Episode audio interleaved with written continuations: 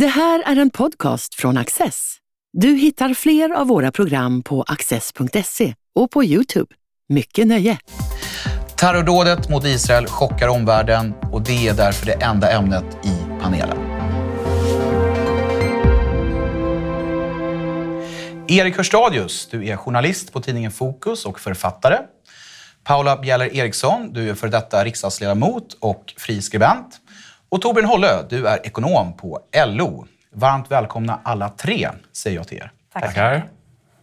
På dagen 50 år efter Jom Kippur-kriget skakades Israel i helgen av den värsta terrorattacken i landets historia.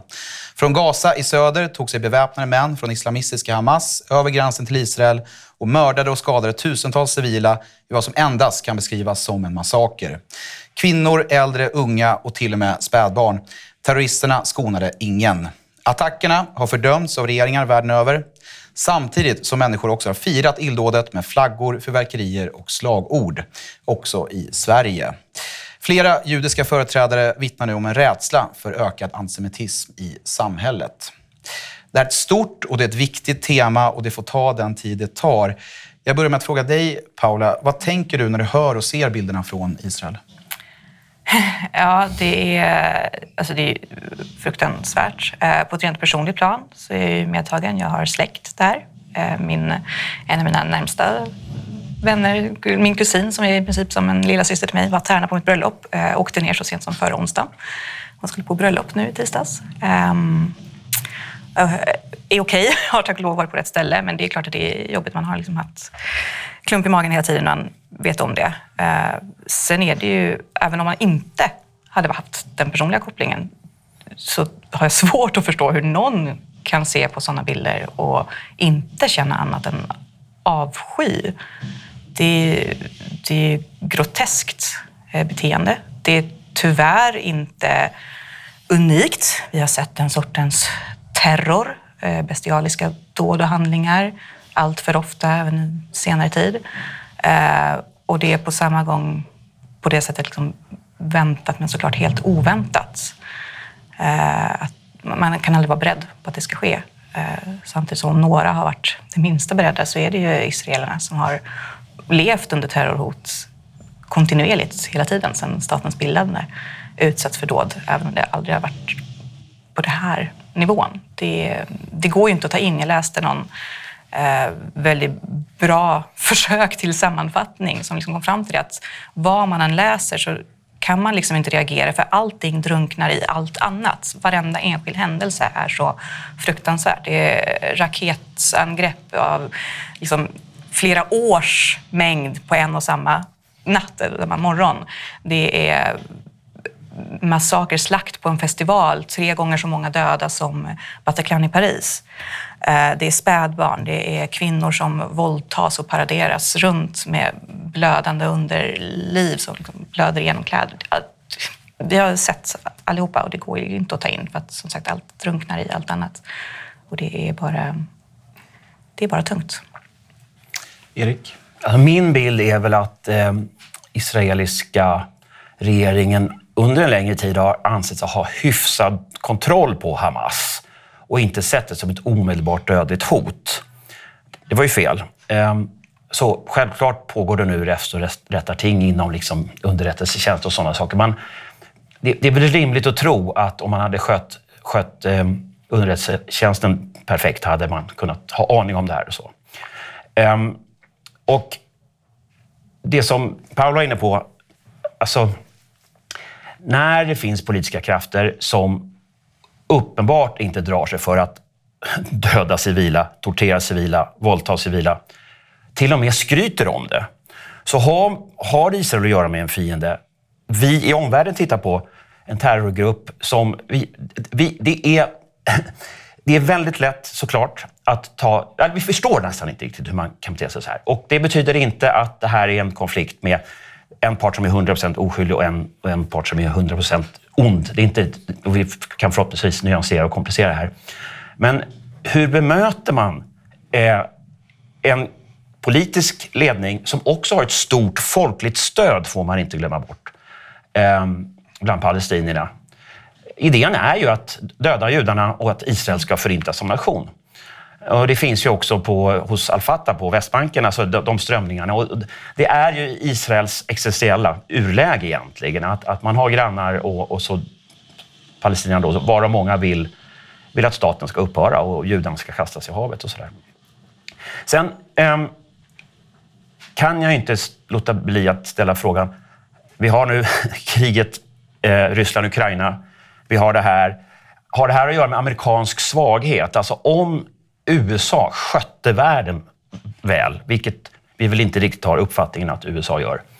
Skulle Putin varit så oförvägen att anfalla Ukraina, eh, skulle Hamas gjort det här? Eh, en aspekt till på det är naturligtvis att man kan inte låta bli att tänka på att Putin rimligtvis tycker att det här är ganska coolt, för nu flyttas liksom världens ögon och medierna från en, en het, ett hett krig till ett annat. Ehm, så att du sa att den ena händelsen drunknar den andra, för det är så mycket mm. som händer. Vi har ju då alla historiska lager på det här också. Mm. Från eh, staten Israels bildande 1948 som, ju, som började med ett krig och från palestiniernas synpunkt en folkfördrivning. Palestinierna, deras urhistoria här utifrån eh, eh, staten Israels bildande, det är ju att man blev fördriven.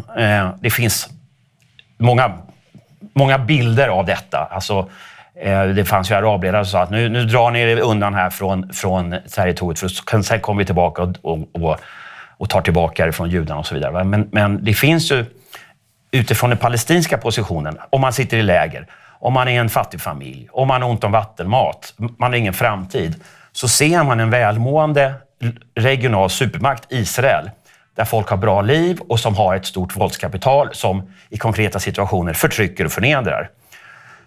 Israels mot, motattack, svar nu kommer att bli fruktansvärt. Det finns liksom inget politiskt utrymme för att nu förhandla och så, utan nu känner Netanyahu, som ju dessutom är en aggressiv politiker, nu, ska, nu, blir det, nu är det ett stort krig mot, mot Hamas. Man kommer kanske gå in med marktrupp i, i, i Gaza. Så där. Jag vet inte exakt hur man ska styra upp det där, men det betyder att det kommer skapa ännu starkare palestinska resentiment mot Israel. Så att den här mång, många, den här långa, långa konflikten kommer bara eh, kommer kryddas med ännu mer hat, ännu mer revanschism och gynna politiska ledare som står för en aggressiv linje. Så att alltså den här, en resonabel mitt på båda sidor är, är liksom, har ju svårare och svårare att göra sig hörd naturligtvis. Så jag, känner, jag läser ju ångest, ångest, liksom, ångesten i artiklar och så från israelisk vänster som, som ju nu har ännu svårare att få fram idéer om tvåstatslösning och, och, och real diskussion med palestinierna. För eftersom man känner att palestinierna hatar oss så mycket så att, så att vi, vi, det är ett rent existentiellt hot. Liksom.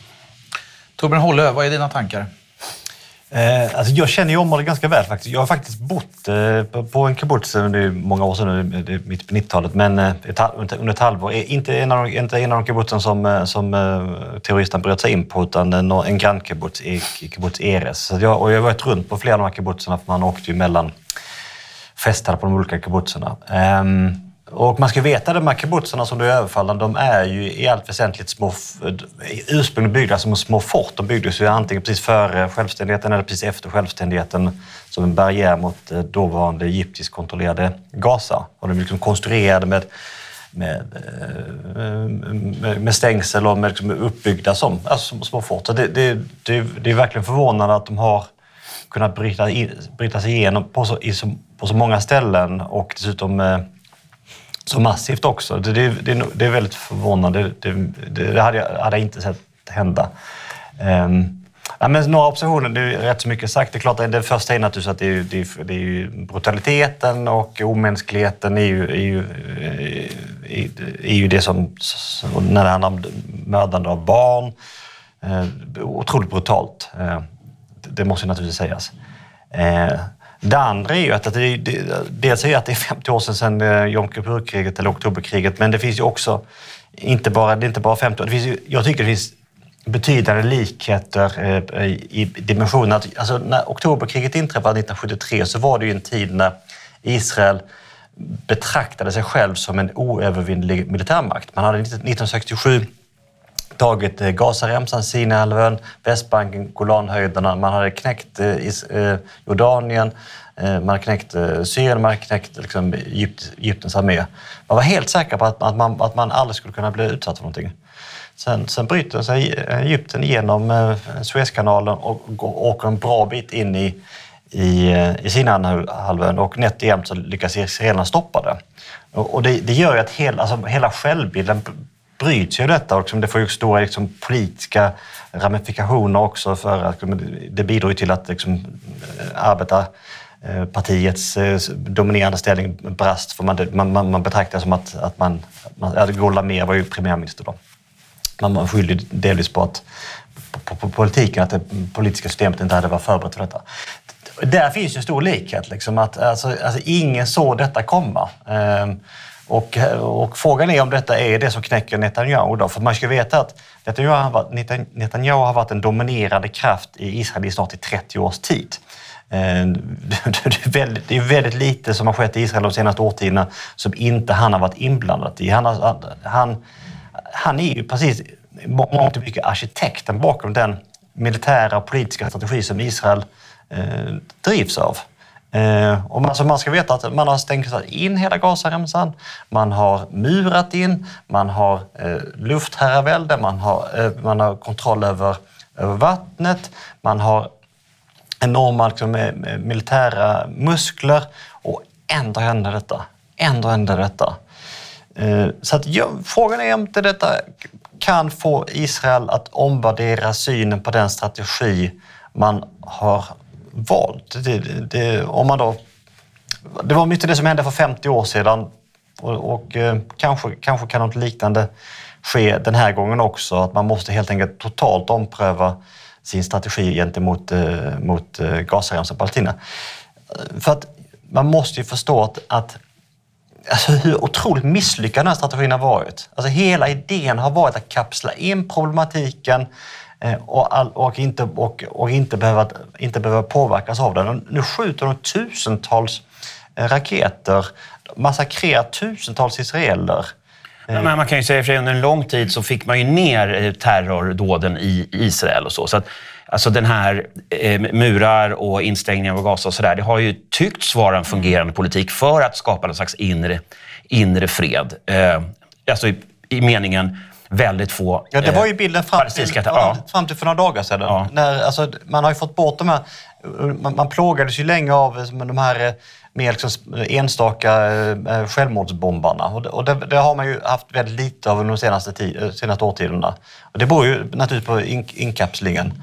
Eh, men men du, du pratar liksom om någon slags långsiktigt mjukt svar på denna fruktansvärda terrorattack. Och det, det, fram, det framstår som så orealistiskt att ett, ett, ett, folk också som, som, ju, som ju verkligen mer än alla andra folk vet hur, hur hur, hur, hur en fiende kan samlas. I en vilja att förinta hela folket. Men jag var konstigt, min jämförelse är att 1973 eh, så, så fick man efter 1973 ompröva hela, hela sin strategi, för den hade visat sig inte fungera.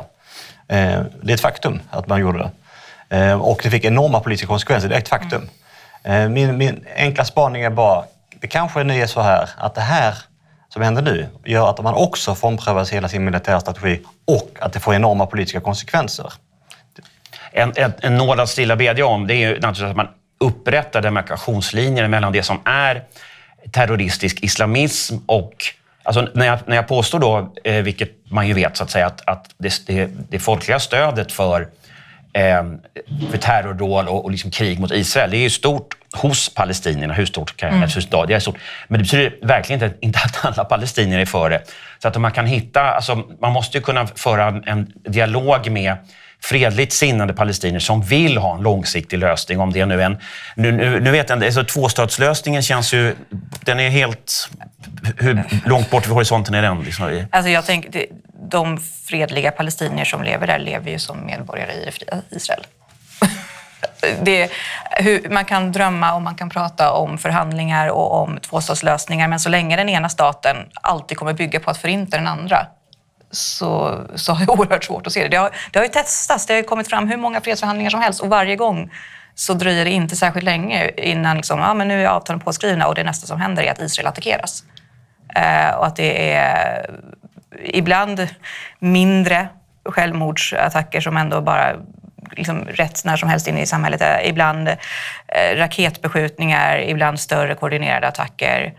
Ehm, jag, menar, jag har ju växt upp med en av de saker de har fått mig att kanske vara mer eh, kritisk mot allt det allmänna man läser och ser är att jag vet att varje gång det rapporterades om att nu går Israel till attack mot eh, Gaza så visste jag att då sprang min far till telefonen för att kolla att hans syster var okej, mm. som levde i Israel. För att jag vet att det alltid har föranletts av attacker på civila. Um, vi ser ju, Eh, som vi kommer prata mer om, hur det är djupt inrotat i det. Det firas runt om i världen. Eh, man jublar över det som sker. Eh, man skickar dansande filmer med hälsningar till Israel. Haha, nu, nu fick ni liksom. Ehm, man har kunnat se på de tv-program och de barnböcker som, som barn växer upp med, som går ut på att judar och Israel inte är människor, inte är en stat, inte ska få finnas, inte ska få existera. Man är oerhört naiv om man tror att den sortens fortsatta förföljelse som Israel har varit liksom, utsatt för sen sitt bildande, när det kulminerar i en sån här attack, att det kommer mötas med mer mjukhet eller man backar tillbaka det fanns ju, det fanns och, tror år, att man kan... Liksom, ja, det fanns för några år sedan, eh, det fanns ju alltså, alltså signaler om förbättring i regionen mm. för några år sedan i det att Israel slöt ju, slöt ju avtal med flera arabländer om att nu ska vi samarbeta och inte bekriga varandra. Så det, det, det fanns glimtar av hopp utifrån att det fanns ett intresse i regionen att, att stabilisera och deeskalera. Nu får vi ju se hur, hur eh, Saudiarabien och Qatar och sådana länder reagerar här. Det, det, de har ju, alltså, jag kan inte riktigt värdera det, men men de, de är ju inga stora fans av Hamas, det kan man ju lugnt säga. Eh, sen så, eh, så, så att, alltså, kan aktörregionen kliva fram eh, och försöka bidra konstruktivt på något sätt. Alltså, det finns en speciell aspekt av den här konflikten som är ju till en del driven av palestinierna som ett statslöst folk som, som många av dem fördrevs ju helt enkelt. Alltså, 1948 Eh, Palestina kallar det för al-Nakba. Al-Naqba. Naqba. Katastrofen, mm. typ. Eh, och många lämnade frivilligt när staten Israel bildades, men många, många jagades ju bort av, av eh, israeliska paramilitära styrkor och så. Men hela idén sedan dess hos palestinska politiska ledningar har ju varit att palestinierna ska återvända. Nu talar vi inte om de som fördrevs, utan deras barnbarn och så vidare. Men den här idén alltså om att de ska återvända till eh, Israel, eh, den är ju den är speciell utifrån hur världen brukar titta på flyktingsituationer och försvårar väldigt möjligt. Det finns ju de som menar att man skulle utifrån både världssamfundet och Israel Eh, ta, alltså ge en otroligt hög ekonomisk kompensation och försöka lösa det här en gång för alla med ekonomiska. Det är säkert orealistiskt, men att man åtminstone försöker titta på problemet ur... Nej, vi ska, inte, Palestina, vi ska inte återvända, men vi ska få medel för att bygga en bra framtid. Och dels med autonoma, alltså helt autonoma områden eller egen stat och också kapital och så, så man kan få igång en egen ekonomi. Och nu, nu är man ju dels fattig, dels dränkt i bidrag. Liksom. Det är ju väldigt speciellt där att, att Syrien och, mm. och Libanon har ju behållit eh, palestinierna som flyktingar. Man har valt att aktivt inte integrera dem. I Jordanien så är de integrerade, de är, de är jordanier. Mm. Eh, men, men i men de andra länderna så har man ju behållit Palestina i flyktinglägren och, och det är ju, det är, det är ju rent polit, det är ju naturligtvis politiska eh, spelpjäser. Palestina har ju alltid varit en politiska spelpjäser för omkringliggande länder för att behålla den politiska makten. Jag tänker så här att Alltså, jag, jag, jag, tror tyvärr det är så att en, en överväldigande majoritet, framförallt av Palestina på, på, på Gazaremsan, när uppfattningar som är ganska groteska. Mm. Eh, jag, tror att, men jag tror egentligen att... Och egentligen, så jag tror inte man bör, Det finns liksom ingen poäng att söka efter liksom de, de fredliga palestinierna, utan poängen är att man måste söka efter rationella, fredliga lösningar. Det, det handlar, alltså, Ehm, och Israel som, som då är en, en, en demokrati, förvisso en demokrati med ganska betydande problem, eh, växande så, man måste, måste komma ihåg att det finns en otrolig strid inne i Israel liksom, när Netanyahu håller på att liksom, avveckla liksom, demokratiska institutioner.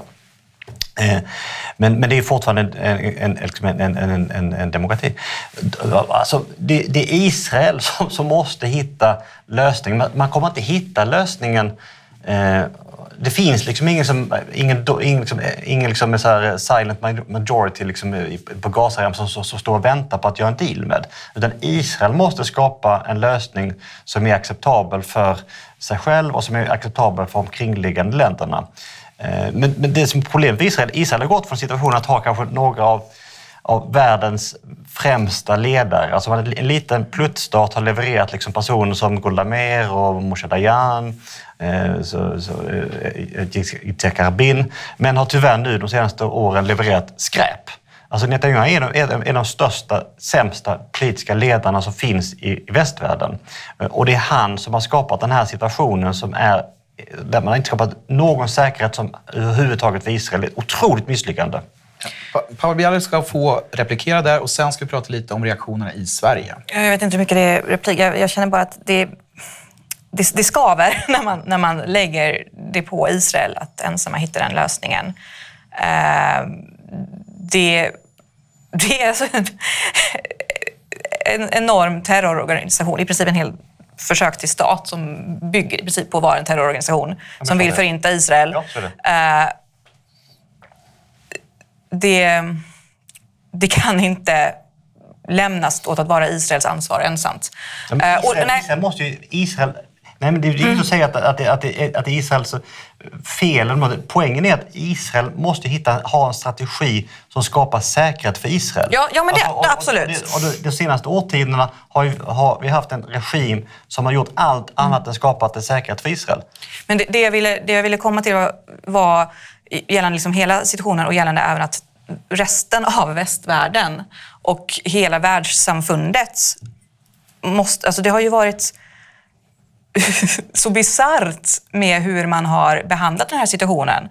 Eh, hur det gång på gång och även nu av högt uppsatta intellektuella i hela västvärlden har tendenser till att ursäkta det som sker och skylla på Israel och hur Israel beter sig.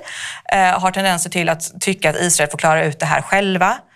Eh, det är så oerhört mycket mer där hela väst bör engagera sig även i det här på något sätt. Jag har absolut inte svaren på hur, men... En rent konkret fråga nu som, som är lite knepig. Det är, mm. finns ju delade meningar. Nu har man väl frusit biståndet till, till, till ja. Palestina. Ja. Eh, mer en, en, en, en uppenbar... Inte, inte, inte det humanitära, men nej.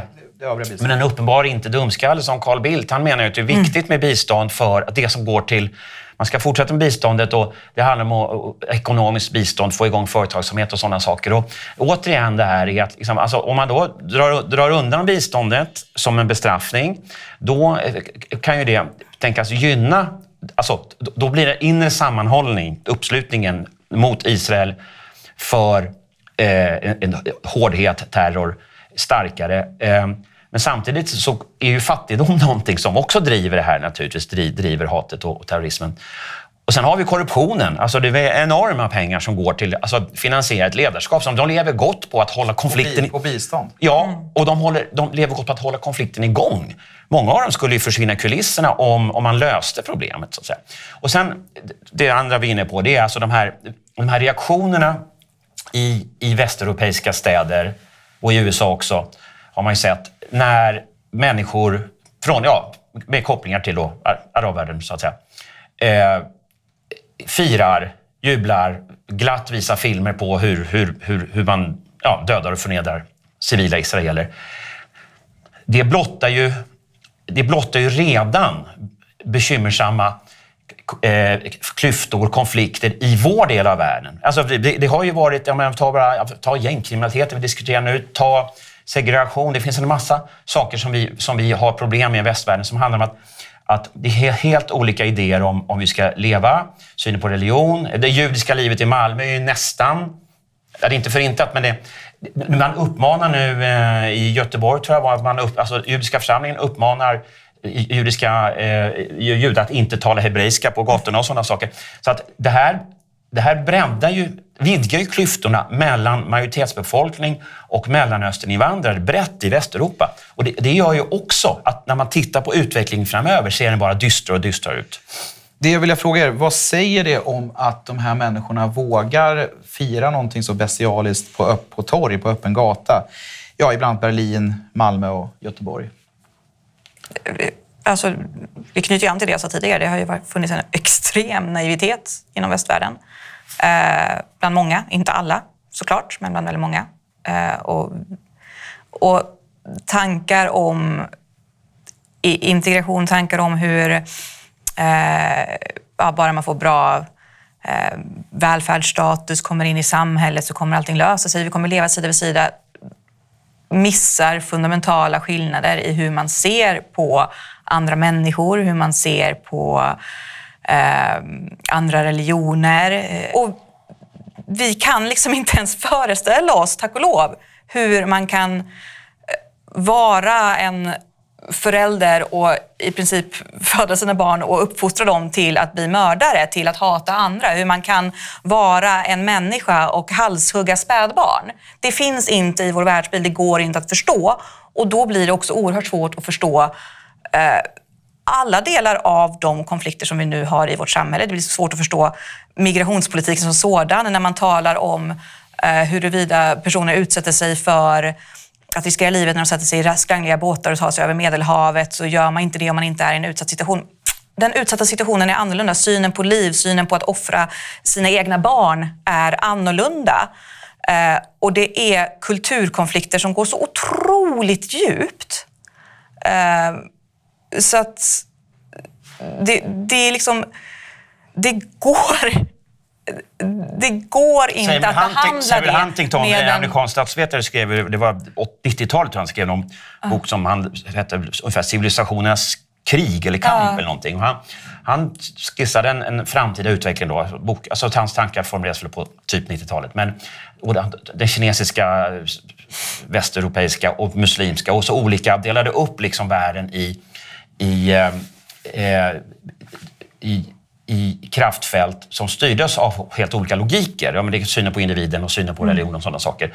Och eh, han anklagades ju mer eller mindre för ja, rasism och sådana saker. Men det är väldigt många av de konflikter vi har sett och 9-11 var ju en sån påminnelse om detta handlar ju om de här sakerna. När man tidigare under 1900-talet kanske tittade mer på ekonomi, folks förnuft. Um, om du vinner på det här och jag vinner på det här, vi gör en deal, då, då kan vi väl strunta i att vi tycker olika. Men, men vi människor är så fantastiskt bra på att bilda stammar, grupper. Och, och så när det då finns historiska rötter som man krokar på där så, så Jag tänker att vi kommer alltid vara i ett stort underläge när vi inte förstår. Alltså om, man, om man vill och håller fast vid, vilket vi ska, demokratiska principer och ser på andra människor som medmänniskor, Eh, så är man alltid i ett underläge mot en fiende som ser eh, potentiella måltavlor och verktyg och djur. Eh, närmast jag kommer i jämförelse när jag jobbar med hedersproblematiken och så har man försökt använda samma verktyg mot hedersutsatta ungdomar som eh, ungdomar som har bråkat med sina föräldrar i liksom, välintegrerade familjer, barn, den sorts problematik vi har haft här och skickat tillbaka dem till föräldrarna efter ett litet samtal och sen så har de barnen mördats. Det är liksom jag vet inte hur. Jag önskar att jag visste, jag vet, men jag vet inte hur. Men vi måste vara beredda att verkligen eh, vidga vårt synsätt och försöka släpp, inse att det vi står inför och de vi, det vi kämpar mot eh, resonerar inte som vi gör och kommer inte svara på våra aktioner så som vi alltid förväntar oss. Nu hade jag velat ta upp Israels, Israels aggressiva bosättarpolitik. Det får jag inte göra. Det får du inte göra. För inte nu, nu, nu, det här. drar jag strack, nu drar jag streck Som i det här ämnet, det här tragiska ämnet. Och De- vi ska gå vidare till ett sista moment som vi har valt att kalla för spåkulan. Spåkulan är ju ett moment där våra panelister ska göra en kort förutsägelse med en enda mening om vad de tror kommer att hända den närmaste tiden. Vi börjar med dig, Erik Hörstadius. Vad som kommer hända närmsta tiden? Jag ska ta en buss till landet och plocka svamp. Oj. ehm, ja. Eh, mer krig. Torbjörn Hålle. Eh, Inflationen sjunker snabbare än väntat svamp, mer krig och inflationen sjunker.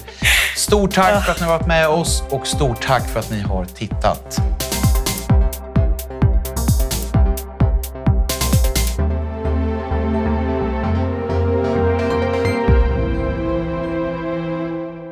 Du har just lyssnat på en podcast från Access. Du vet väl att vi också är en tv-kanal och tidning? Teckna en prenumeration idag på access.se.